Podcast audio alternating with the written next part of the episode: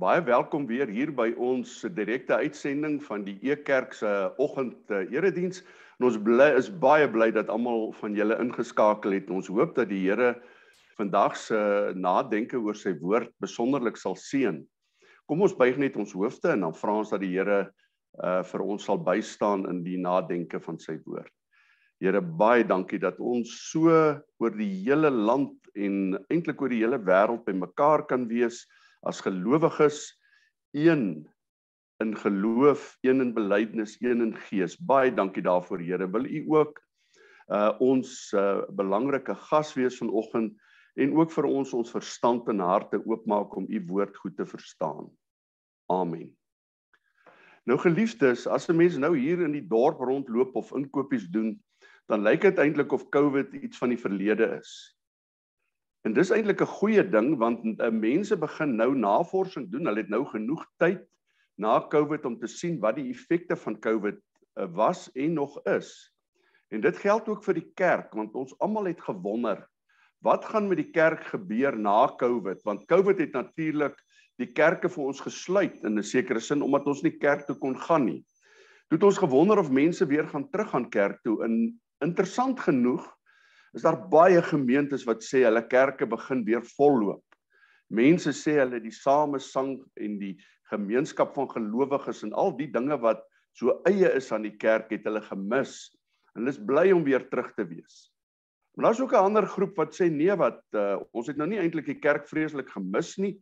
Dit is was baie lekker om in die oggende uh op te staan, uh die uh e-kerk byvoorbeeld aan te skakel saam met die gesin kerk uh, te hou en dan met die res van die oggend aan te gaan.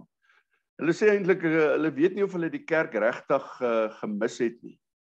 Nou wonder 'n mens eintlik uh, jy weet wat is waar en hoe behoort dit te wees? En daarom gaan dit lekker wees om ver oggend so bietjie die Bybel oop te maak en daar te begin en te kyk hoe praat die Bybel oor hierdie byeenkoms van gelowiges Is dit nodig? Is dit nie nodig nie? Moet mense in die kerk gaan sit of nie? As jy nie kerk toe gaan nie, is jy dan nou uh, het jy dan nou 'n probleem want party mense sê mos ek gaan ek's nie 'n kerkmens nie, maar ek is 'n gelowige. Hoe presies werk dit? En ons kry pragtige gedeeltes in die Bybel daaroor. En ek gaan nou so een of twee van die gedeeltes uh, uh saam lees. En ons gaan begin by 1 Korintiërs 12 Uh dit is 'n baie beroemde gedeelte oor die gawes van die Gees, maar dit gaan eintlik oor die kerk in 1 Korintiërs 12 en ek gaan uit die Nuwe Nuwe Testament lees. So as dit bietjie anders klink uh, as die Bybel wat jy gebruik, dan weet jy ook waarom. Nou gaan ek net vanweë tyd so hier en daar 'n stukkie saam lees uit 1 Korintiërs 12. En ek gaan begin by vers 12. Daar staan ons elkeen het net een liggaam En dis nou 'n voorbeeld wat hy gebruik. Tog bestaan dit uit baie ledemate. Al die ledemate saam vorm deel van hierdie een liggaam. So is dit ook met Christus en met ons almal wat deel is van hierdie aardse liggaam. Dis nou van Christus. Ons is deur die Gees in sy een liggaam ingedoop. En dan gaan hy in vers 14 aan en sê Ons lyf bestaan nie net uit een ledemaat nie, maar uit baie. As die voet sou sê omdat ek nie die hand is nie, is ek nie deel van die lyf nie. Dan hou dit tog nie uh, uh hieroor op om deel van die lyf te wees nie. En as die oor sou sê omdat ek nie die oog is nie, is ek nie deel van die lyf nie. Dan sou dit tog nie hieroor uh uh neerkom om deel van die lyf te wees nie. Dink net, as die hele lyf net oog was, hoe sou dit ooit iets kon hoor? Of hoe sou dit enige iets kon ruik? God self het al die verskillende ledemate in die liggaam geplaas sodat hy dit soos hy dit graag wou hê.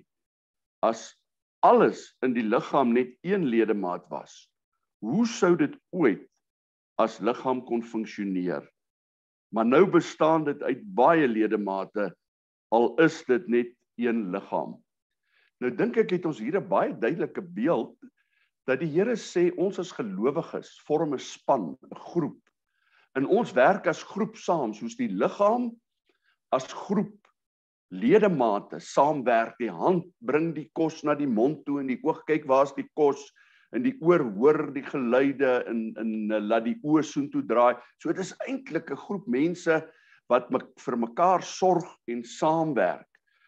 En en dit is 'n essensiële eienskap van gelowige wees. As jy toe jy 'n Christen geword het, het jy jouself soos die Engelse sê gekommit om deel te wees van 'n groep en 'n baie belangrike beeld wat eintlik reg deur die Nuwe Testament gebruik word is hy sê jy's 'n kind van God. Ons is broers en susters, ons is 'n familie. En 'n familie is afhanklik van mekaar en sorg vir mekaar. En as ons nou hierdie beeld kyk, dan sien ons dit dat uh, die uh, liggaam sorg vir die oog, maar die oog sorg ook vir die liggaam. Jy het 'n rol om te speel tussen ander en ander het 'n rol om te speel teenoor jou om agter jou te kyk en te sien dat jy uh uh gesond is in jou geestelike lewe en kan reg optree. Maar 'n ewe mooi gedeelte kry ons in Johannes. Dit is nou waarskynlik die apostel van Jesus, die een wat hom liefgehad het. En ons lees in in sy brief, dis nou agter in die Bybel in 1 Johannes lees ons die pragtige woorde en ek gaan dit lees uit 1 Johannes 1 en ek gaan daar by vers 3 begin. Nou sê die skrywer, ons vertel graag vir julle wat ons gesien en gehoor het. Dis nou Jesus, hulle het Jesus gesien en gehoor. Ons wil hê dat julle in 'n hegte verhouding saam met ons kan werk. Ons werk ook in 'n hegte verhouding saam met die Vader en met die Seun, Jesus Christus. Ja, ons skryf hierdie dinge sodat ons van blydskap kan oorloop. Dit is die boodskap wat ons by hom gehoor het en aan julle oorvertel. God is lig en in hom is daar hoegenaamd geen duisternis nie. As ons dus beweer dat ons hom eh, om met hom in 'n hegte verhouding staan, maar in duisternis leef, lieg ons en doen ons nie wat die waarheid vra nie, maar as ons in die lig leef soos hy in die lig is, leef ons in 'n hegte verhouding met mekaar, dan reinig die bloed van Christus ons van alle sonde.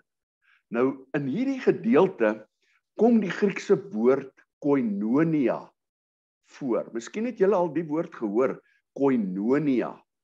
Dit word gewoonlik vertaal in die Engels as fellowship en in Afrikaans as gemeenskap. Maar wat die woord eintlik beteken is dat 'n mens op grond van 'n verhouding met iemand anders met daai persoon saamwerk. As byna 'n ooreenkoms maak met hom om saam met hom dinge te doen. Dis wat gemeenskap van die gelowiges beteken. Beteken volgens hierdie woord om in 'n verhouding met mekaar te staan, om vir mekaar om te gee, om om om graag mekaar in die oë te kyk en mekaar se hande te vat en te sê kom ons stap saam maar baie duidelik ook saam te werk. Om te sê ons ons is saam in die juk. Ons werk saam ons doen dinge saam. Dis wat hierdie woord beteken. En dan in die res van 1 Johannes word hierdie woord verduidelik deur die baie belangrike begrip liefde. En dit sien ons net so bladsy of wat verder aan in in uh, hoofstuk 4 waar uh, Johannes die volgende skryf. Hy sê geliefdes, God het ons liefgehad en as God ons so liefgehad het, hierdie so verwys na die stuur van sy seun, hy het sy liefde bewys dat hy sy seun gestuur het. Hy sê as God ons so liefgehad het, behoort ons mekaar ook lief te hê. Niemand het God nog ooit gesien nie. Maar as ons mekaar liefhet, is God by ons. Op dië manier bereik sy liefde sy doel in ons.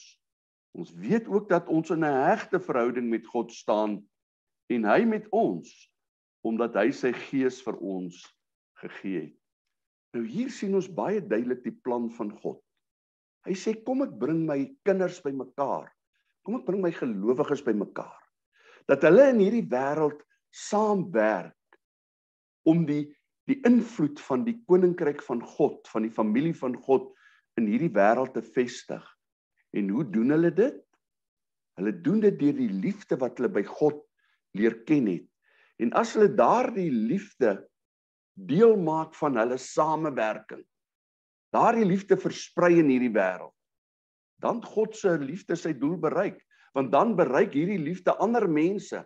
Dan kan ander mense God sien, want jy het seker gehoor in hierdie gedeelte staan daar niemand het God ooit gesien nie. En dan word daar gesê maar julle moet sy liefde in hierdie wêreld volmaak maak. Deur sy liefde in hierdie wêreld gestalte te gee, sien mense God raak, sien hulle wie hy is en word hulle so aangetrek na die familie van God toe. Dit is God se plan. En weer eens as 'n mens hierna kyk, dan sien jy dat Christendom is 'n spanspel. Dis mense wat saamwerk. En daarom wil ek eintlik vanoggend met 'n voorbeeld dit verder probeer verduidelik. En die voorbeeld is van 'n Formule 1 wedren, nou hierdie reisieskarre wat hulle so jaag. As 'n mens op die televisie kyk, dan sien jy gewoonlik twee goed. Jy sien die ou wat daar sit in sy kar en jaag en jy sien die karre wat so inry in wat ons noem die kuipe. Nou daar waar hulle die karre versorg en waar die waar die karre begin voor die wedren waar hulle kyk dat die karre reg is en goed is. So die kuipe is eintlik die plek waar die karre voorberei word, waar word daar gekyk word of daar genoeg petrol is of die wiele reg is of die kar skoon is en also aan sodat as die kar op daai renbaan kom, alles reg verloop. En dit is eintlik ook hoe die Here dink en ons nou gesien het ook uit hierdie voorbeelde uit die Bybel uit hoe die Here dink oor sy gemeente. Daar moet 'n plek wees waar mense versterk word. Waar waar waar sy kinders krag kry, né, petrol vir die lewe. Waar as hulle skrape en seer kry in hierdie lewe opgetel het, dat dit daar gesond kan word.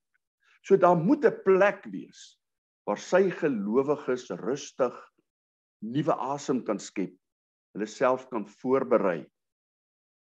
En daarom uh as jy jouself so voorberei is jy reg vir die wedloop. En nou is die vraag vir jou en vir my, hoe reg is jy vir hierdie wedloop? As jy nou na jouself moet kyk. Kom ons stel dit so, as jy die oggend uit die bed uitklim en jy moet op daai renbaan gaan. Hoe reg is jy? Is jy reg om te sê vandag gaan ek daai wedloop van die lewe so aanpak dat ek net vir die Here positiewe dinge gaan doen. Ek gaan as 'n wenner op hierdie lewenspad vir my wees want ek het geleer in die kuipe wat die gereedskap van God is. Ek gaan daar by die werk of in my familie of waar ook al gaan ek vrede bring as daar onvrede is. Ek gaan mense vergewe wat vergifnis nodig het. Ek gaan mense lief hê wat liefde nodig het omdat ek vol is daarvan. Hierdie uh, 1 Johannes wat ons geleef het praat dikwels daarvan julle is vervul van die liefde. Julle is vol van God se liefde en daarom kan julle dit uitdeel. Julle het sy vergifnis ervaar.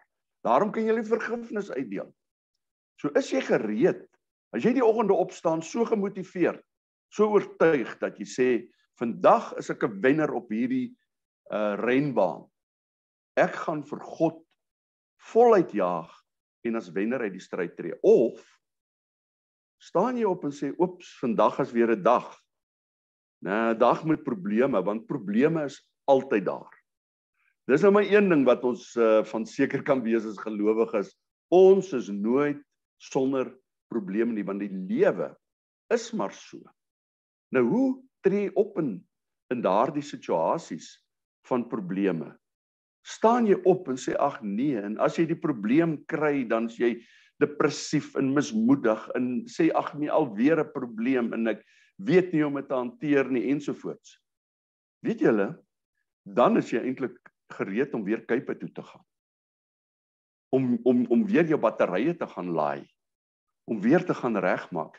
Dan is jy gereed om weer daar waar ander gelowiges is jouself te gaan versterk.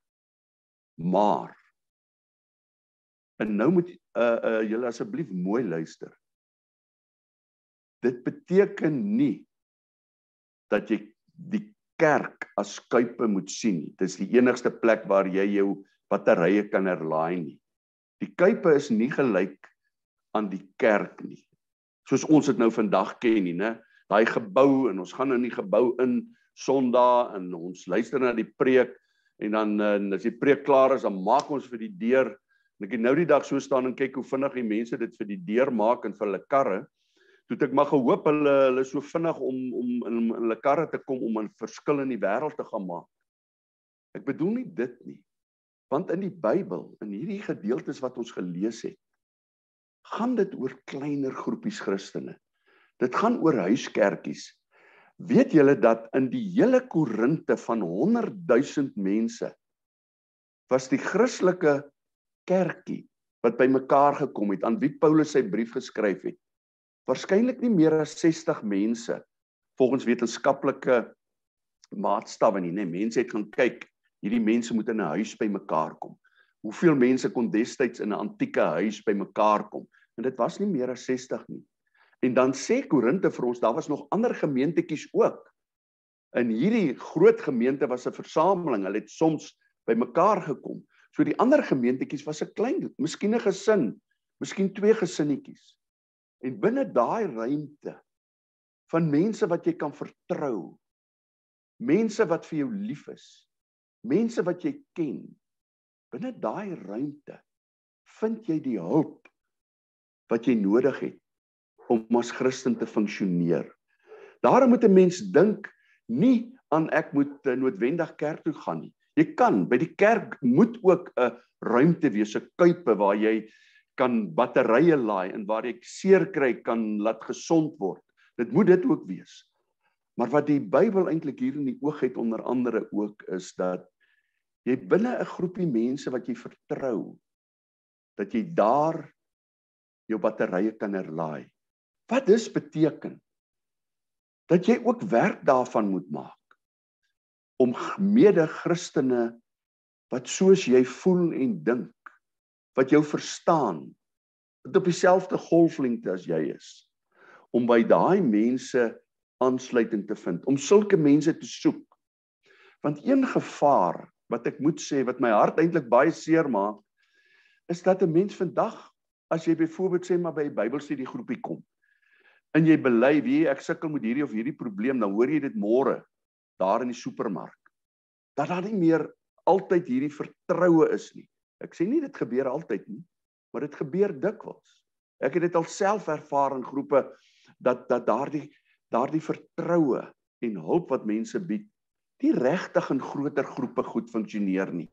Daarom is dit belangrik dat jy geloofsgenote met wie jy aanklank vind ook kan kry met wie jy in vertroue kan praat en weet dit sal nie sommer in die supermark eindig nie. En wat is die wonderlike ding daarvan? Dat die Here vir jou 'n huweliksmaat byvoorbeeld gegee het. Hoe wonderlik is dit nie as mense 'n man en 'n vrou so in hulle geloof in mekaar kan groei deur Bybelstudie, deur gesprekke, deur gebed ensovoorts dat hulle mekaar kan help As jy 'n probleem kry op hierdie in hierdie wedloop, as jou kar gaan staan om dit maar so te sê in die wedloop van die lewe, dat daar iemand is wat jou kan bemoedig. Ek het op die oomblik 'n gas hier by my van oorsee uh van een van die Oosbloklande wat vir my vertel het dat sy vrou nou deur 'n geweldige krisis gegaan het. Maar hoe hulle mekaar ondersteun het en sy moet 'n glimlag kon opstaan. Dis wat die hierdie gedeeltes in gedagte het dat ons ook deur die teenwoordigheid van iemand wat ons verstaan, 'n medegelowige opgerig kan word, versterk kan word en die pad verder kan uh, kan aanpak.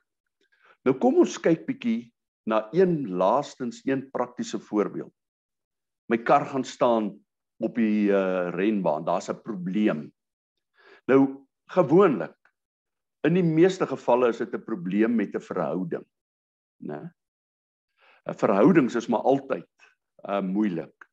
En nou het ek sê nou maar met my vriendin of met my huweliksmaat het ek 'n probleem. En nou sê die sielkunde en eintlik die Bybel ook vir ons, jong, dis baie baie moeilik om in 'n in 'n in 'n krisissituasie, 'n geveg waar waar jy met iemand anders beklei om daar jou probleem self op te los. Want jy's geneig om net jou eie kant van die saak te sien en jy's trots, jy wil nie sommer toegee dat jy verkeerd is nie, al die dinge wat ons ken. So die die die sielkundige sê vir ons is baie moeilike sielkundige kan homself baie moeilik werk uh, uh, help omdat hy die ding net van sy eie kant af sien. Daarom het jy iemand nodig wat jou hand weer in die ander persoon se hand sit en sê kyk mekaar in die oë. Wees uh um uh, uh uh uh oop vir mekaar sodat julle kan sien wat die ander probleem 'n uh, ander uh, een se probleem is met jou en jy kan verduidelik wat jou probleem is met die ander een en julle so 'n middeweg kan soek. Met ander woorde om mekaar by mekaar te bring, maar waar? Onder die sambreel van die kuipe van God, waar God se gereedskap van vergifnis, vrede, uh liefde wat dit teenwoordig is. Dat as julle hande in mekaar is en julle vir mekaar kyk, julle sê maar maar hier staan ons in die teenwoordigheid van God. Ons is nie alleen nie. En daarom moet ons sy gereedskap gebruik om hierdie verhouding reg te stel. En dit is hoe daar gevisualiseer word dat gelowiges saam twee wat beklei en een of twee of drie wat wat help om hierdie probleem op te los. Waar hulle by mekaar kom en waar God se se gereedskap hierdie situasie laat ontlont waar daar weer vrede en vergifnis kom. Maar om af te sluit, dit kan ook gebeur dat iemand sê ag nee wat Ek het nie die kerk nodig nie, nie ander Christene nodig nie. Ek doen my Bybelstudie, ek bid en dis 'n privaat saak en daar gat ek. Ek ry met ander woorde elke keer by die kuipe verby. Nou kan dit miskien vir 'n rukkie goed gaan, maar jou petrol gaan ophou. Daar is baie mense en daarvan dink ek meer as een van ons getuig. Daar's baie mense wat daar op die rembaan staan sonder petrol.